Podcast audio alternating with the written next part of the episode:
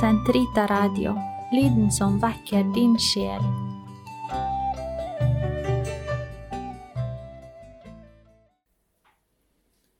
Den katolske kirkes katekisme, uke 21, onsdag, paragraf 1373 til 1377. Kristi nærvær ved sitt ords og Den hellige ånds kraft. For Kristus Jesus er død, ja, oppstanden, og troner ved Guds høyre hånd, og går nå i forbønn for oss. Romerne 8,34. Og han er til stede på mange slags vis i sin kirke. Ved sitt ord, i kirkens bønn, der hvor to eller tre er kommet sammen i mitt navn, i fattige, syke og fanger, Matteus 25, 31, 46, i sine sakramenter som han er opphav til, i messeofferet og i embetsbærerens person. Men aller mest er han til stede under de eukaristiske skikkelser. Den måten Kristus er til stede under de eukaristiske skikkelser på, er enestående.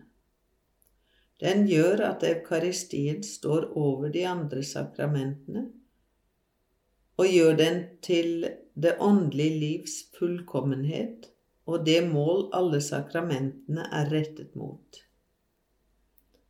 I eukaristiens aller helligste sakrament er sant virkelig og med hele sitt vesen, substantialiter, innesluttet vår Herre Jesu Kristi, legeme og blod, sammen med Hans sjel og Hans guddom, og dermed hele Kristus.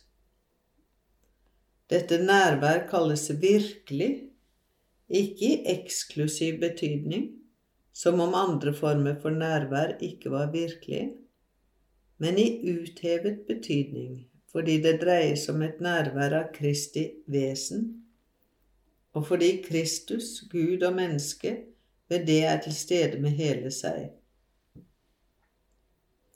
Det er ved forvandlingen av brød og vin til Kristi legeme og blod at Kristus gjøres nærværende i dette sakramentet.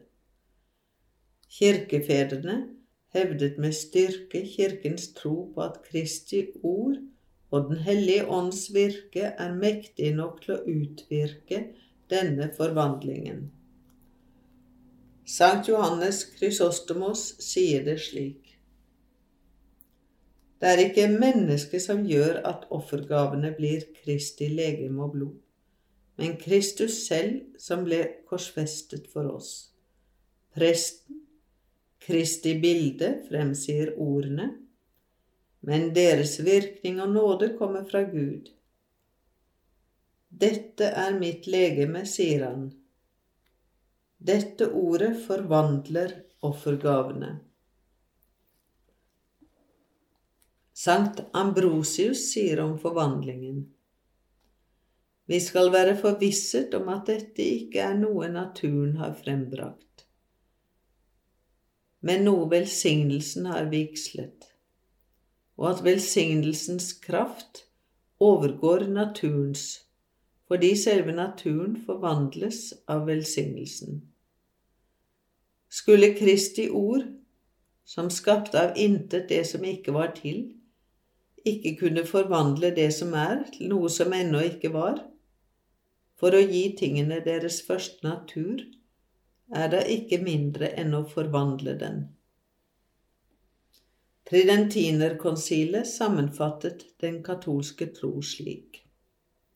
Siden Kristus, vår gjenløser, sa at det han ofrer, ofret under brøds skikkelse, i sannhet var hans legeme, har man alltid hatt denne overbevisningen i Guds kirke som denne hellige synode nå på nytt erklærer.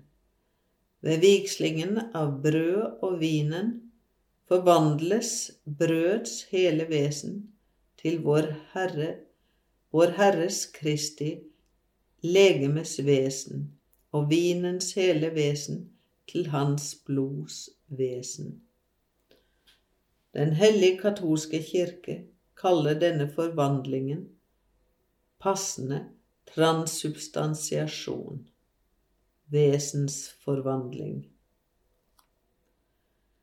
Kristi eukaristiske nærvær begynner i konsekrasjonsøyeblikket og varer så lenge de eukaristiske skikkelser gjør det. Kristus er helt til stede under hver av skikkelsene, og helt til stede under hver enkelt del av dem, slik at Kristus deles ikke opp når brød brytes.